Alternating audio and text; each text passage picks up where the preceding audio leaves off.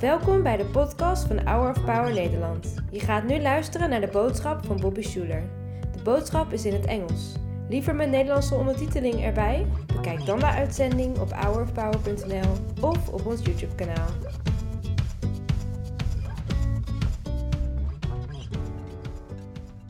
All right, whoever you are, would you stand with us? We're going to say this creed together. Hold your hands out like this as a way of receiving from the Lord. Let's say this together. I'm not what I do. I'm not what I have. I'm not what people say about me. I am the beloved of God. It's who I am. No one can take it from me. I don't have to worry. I don't have to hurry. I can trust my friend Jesus and share his love with, the, with my neighbor. That's right. Yeah, I almost messed up. I hope it goes without saying today that if you're a believer in Jesus Christ, uh, you are called. God loves to call people that think that everybody else think is, thinks is unworthy of whatever calling it is they've received. So many of us want to disqualify ourselves. Many of us who feel called have others disqualifying us, but I want you to know that God does not disqualify you. Failure does not disqualify you. And I want to encourage you today to re- I want to repeat the words that Jesus gave in his last commandment to his disciples to go. Go therefore into all the world and preach the gospel and make disciples. Go and set captives free. Go and heal the sick. Go and pray for the hurting. Go and feed the hungry, and quench the thirst of those who are thirsty, and free and visit prisoners. Go and do the things that God has called you to do. God doesn't call us to do just one thing, He calls us to do many things. And as we do those things, our ability uh, to achieve more grows. So I want to encourage you today don't let anyone disqualify you but instead get out there and do things. Living is the best education you can have. Living and doing is the best thing you can have. Whenever you apply for a job, what's the number one thing they're looking for? Is it your education? 90% of the time, it's not. It's your experience. Go and get some experience. Go do stuff. And trust that this will help you in life. Here's a recent uh, study that was done uh, of graduates who were asked, Are you glad you got your education? And they broke them down by you know what their education was. And here you will see on the very bottom you have all of the fun degrees all at the bottom you know? You've got fine arts design psychology history politics media communication. You know how you get a communication uh, major off your lawn? You pay him for the pizza no? How do you get a communication major off your, your porch? You paying for the pizza? Well, anyway, okay. Uh, yeah, so you see all the fun degrees that everybody wants when they go to college. Those graduates with, interestingly, psychology, I almost got a psych degree. I was very interested in it. 67% of those who have a psychology degree say they regret doing it. And then you go to the very top with the people that have the least regrets, and you have things like chemistry, computer science, mathematics, business, and statistics, and all those people are thrilled that they got their degrees. So you're starting to see the only interesting thing there was the literature degree. You know, what we used to say, um, what's the difference between a literature major and a pizza? A pizza can feed a family of four. Still no. Oh, wow. Am I insulted? Are you all lit, lit and com majors? What is going on here? Hannah had a lit degree, so I can make that joke. no, anyway, well, so this is what happens is when we get anxious in life, we like to we as human beings and Bobby Schuller is at the top of this list, there is a temptation to sit around and chat. When we get afraid and we know that something needs to be done, especially if we know what needs to be done, many of us are not prone to action, we're prone to chatting. We like to sit around, we either chat online, we chat on our phone, we chat with each other. It feels like action, but it's not. We're wasting time and we're entrenching ourselves in the thing that we're afraid of. There's a new meme online right now of a, a guy who, now I'm trying, I've been trying to figure out what this video is, but I'm pretty sure there's a tourist place in Australia for people that are afraid of bungee jumping and want to be forced to do it. So what they do is they go in and they strap you up and they put you in a chair with a bungee on it and then push you off the ledge. And you notice that this guy, when he gets nervous, he tries to chat his way out of getting pushed off the ledge. Check this out. I Just wanna mm, keep my mind busy. Can you double check, please? Yeah, yeah, yeah. Oh, we have we time, can. yeah? No, we can. we could, but we're not going to. We're No, no, but I'm serious. No, seriously. So. I have we to. could. We could double No, check. hold this one We just here, choose or not this to. one, this one hold that one right there. here. And we're, we're a bit behind on time, so I'm just going to take your safety off. See your Okay. safety's off. But they changed the time. Oh, Wait, wait. Let's let's let me tell you something. Let me tell you something. All right. Let me tell you something. Let me tell you something. Wait, wait, wait, wait, wait. wait. Look up. Sorry, yeah, yeah. Look up to your Wait, right. wait, wait. No. Wait, wait, wait, wait. What did you want wait. to tell me? Uh, uh, oh, let- both of you guys. What did you want to tell me? Double check, We'll double look- check, safety first, double check. Right. Ah! Safety.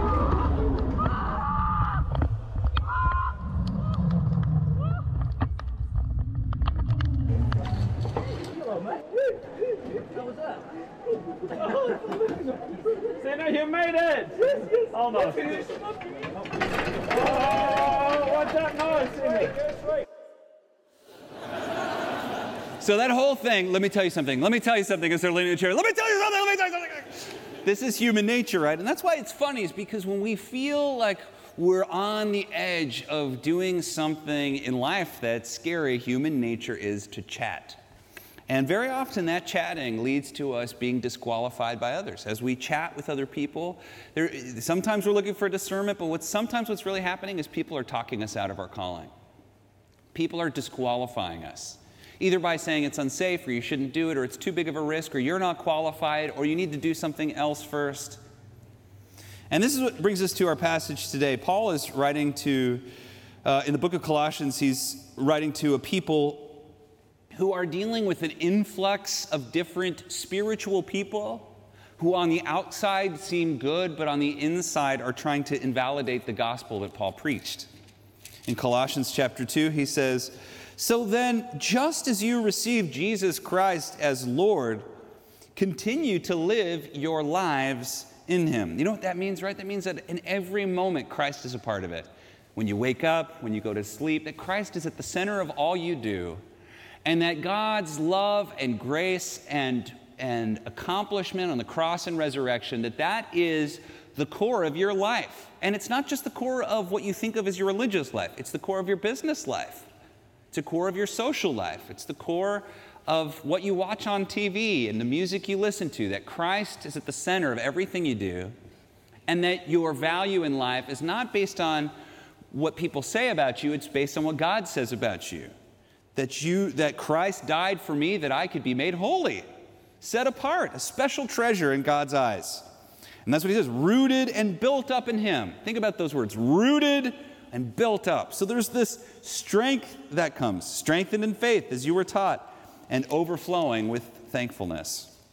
Gosh, I love thankful people, don't you? Like people that are just oozing with gratitude. And it's really hard to be unhappy and thankful at the same time. It's amazing how much science and wisdom there is that supports the idea of a, gra- a grateful life that leads to happiness. And then he says, Therefore, don't let anyone judge you by what you eat or drink, or with regard to religious festival, a new moon celebration, or Sabbath day. What's that? That's all of the religious rules that were in place by the old covenant that they were trying to impose on new Gentiles that had come to faith. It says, These are a shadow of the things that were to come. The reality, however, is found in Christ. Do not let anyone who delights in false humility and the worship of angels disqualify you. Such a person also goes into great detail about what they have seen, and they're puffed up with idle notions about their unspiritual mind. They've lost connection with the head, that is Christ, from whom the whole body, supported and held together by its ligaments and sinews, grows as God causes it to grow. Paul shows us that When we're called by God, there are people that want to disqualify us. There's people that want to disqualify you, or people that maybe they don't want to, they just it just kind of comes out of who they are. Here's three people that might you might have experienced disqualified you when you shared your dream or your calling or your vision from God with them. The first one is religious people. Right? There's just a certain type of religious person that just says that's not religious enough or that's not within the lines of our tradition. Uh, sometimes that's good, but sometimes it's not. This was clearly happening in the church uh, that Paul was writing to. A second type of person is the person that Paul says delights in false humility. You know this person, don't you? You probably have at least one of these people in your family. Oh, Jan, I, let me just tell you, I tried that and it was the worst decision and i'm just i'm just want to live for the lord and i just want to be humble in all that i do jan you don't want to do that i had a guy once who so it's a false humility right it's a failure mindset that someone's trying to oppose on what you feel god is calling you to do they're imposing their own false humility on you or if you do something big for god you've forgotten the gospel or if you do something big for god somehow that's not biblical enough this is false humility it's not, it's not something that is taught in the scripture itself. Am I right or wrong? Did Jesus not say, Go and do greater things than I did? I think Jesus did some pretty amazing things. I think having bold faith doesn't mean you're a narcissist. Having bold faith and being a big dreamer doesn't make you prideful or arrogant.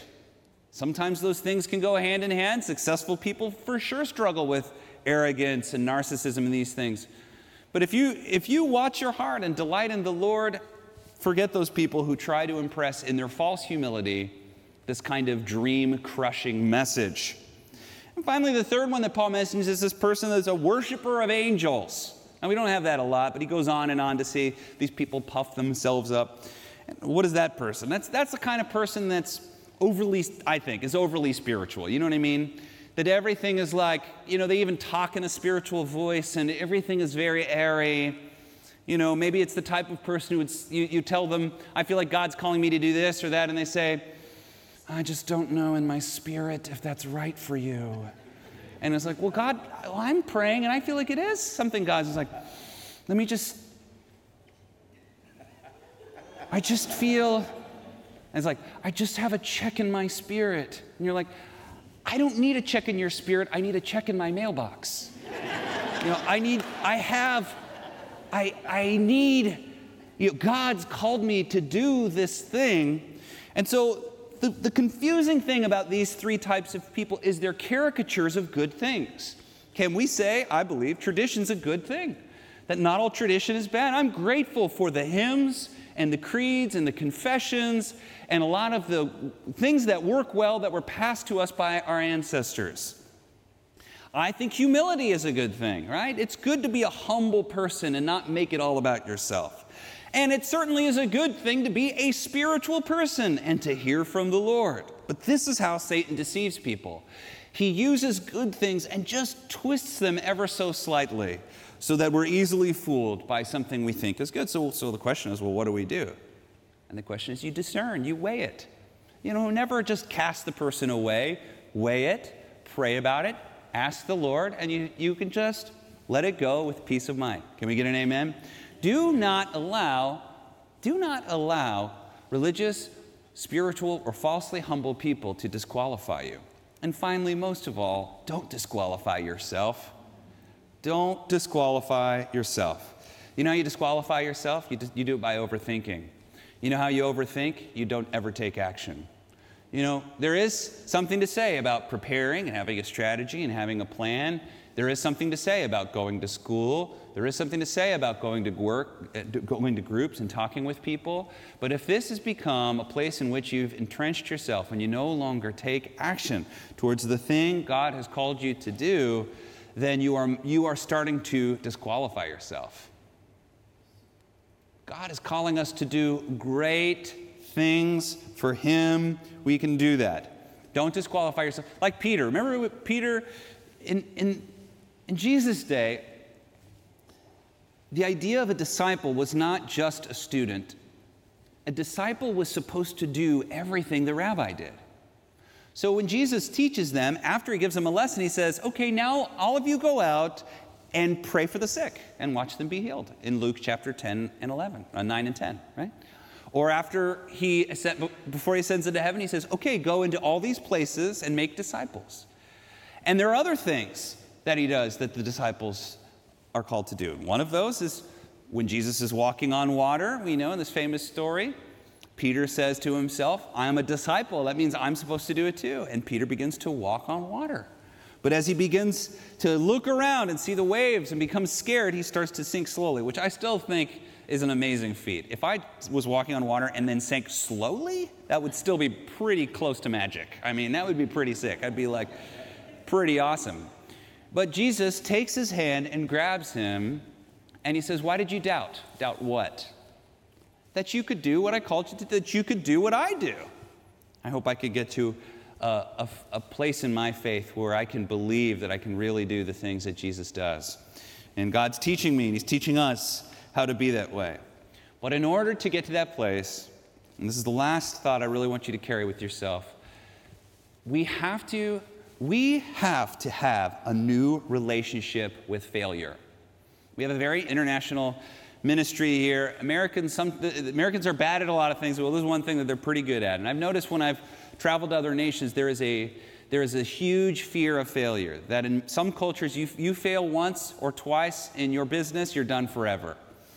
We need to gain a new relationship with failure culturally, uh, and in life to recognize, even in our walk with God, even when we sin, in addiction therapy, when you fall off the wagon, maybe you maybe even clean and sober for years and you just messed up, and now you think, oh, I'm never going to get over this, or whatever it is you're struggling with, we need to recognize that failure is, the, if the road to hell is paved with good intentions, the road to heaven is paved with failure.